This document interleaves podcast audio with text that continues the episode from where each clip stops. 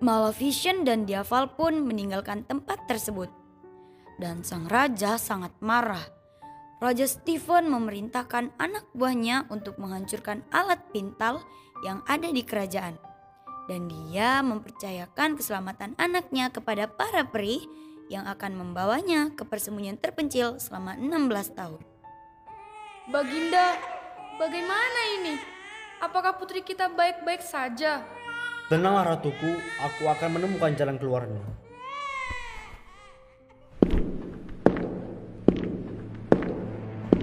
Prajurit!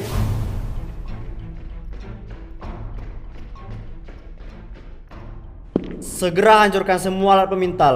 Jangan tersisa satu pun. Siap yang mulia.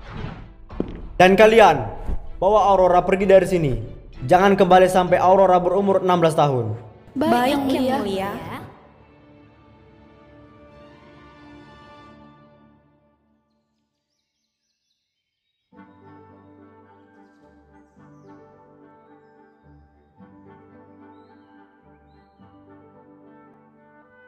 Para peri memulai tugas untuk membesarkan Aurora di gubuk. Aurora tumbuh menjadi gadis yang sangat cantik. Peri-peri yang ditugaskan oleh Raja Stephen tidak merawat Aurora dengan baik.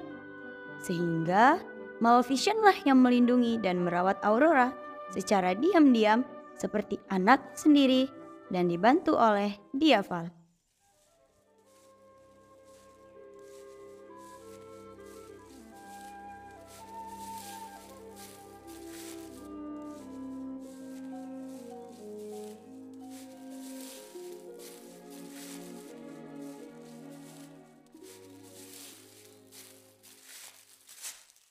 Aku tersesat. Di mana ini?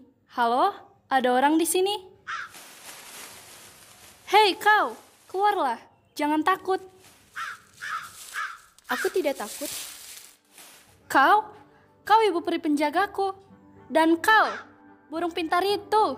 Apa maksudmu? Aku selalu memimpikan hal ini sejak kecil. Semakin lama, Aurora dan Maleficent semakin dekat, bagaikan ibu dan anak. Aurora juga semakin dekat dengan para peri di hutan Morse. Maleficent pun mencoba mencabut kutukan Aurora, namun gagal.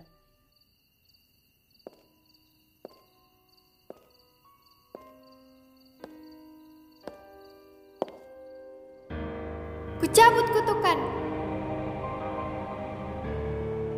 Kucabut kutukan.